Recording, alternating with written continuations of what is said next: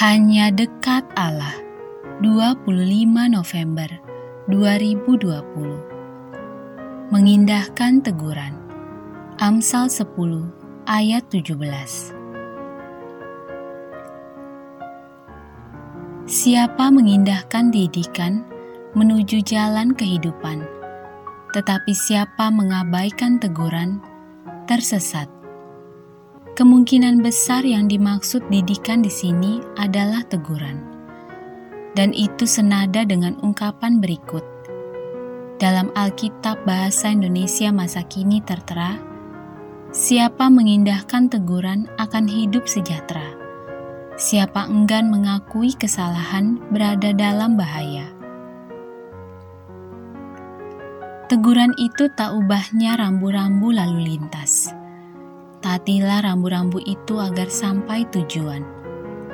Jika kita belum pernah pergi ke suatu kota dengan mengendarai kendaraan sendiri, hal yang paling logis ialah ikuti saja tanda panah yang menunjukkan arah ke kota tersebut tidak mematuhinya hanya akan membuat kita tersesat.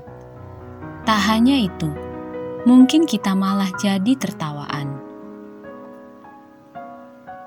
Berkait teguran, kita mesti berasumsi orang yang menegur kita itu sungguh mengasihi kita.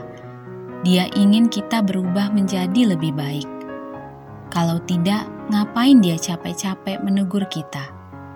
Dengan kata lain, kita harus menumbuhkan pikiran positif terhadap orang yang menegur kita.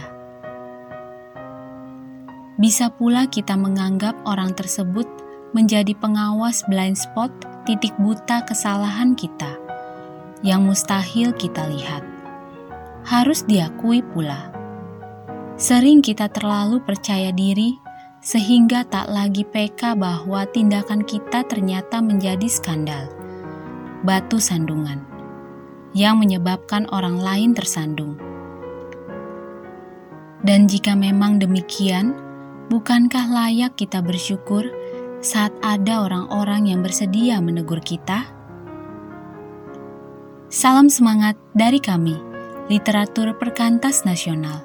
Sahabat Anda bertumbuh.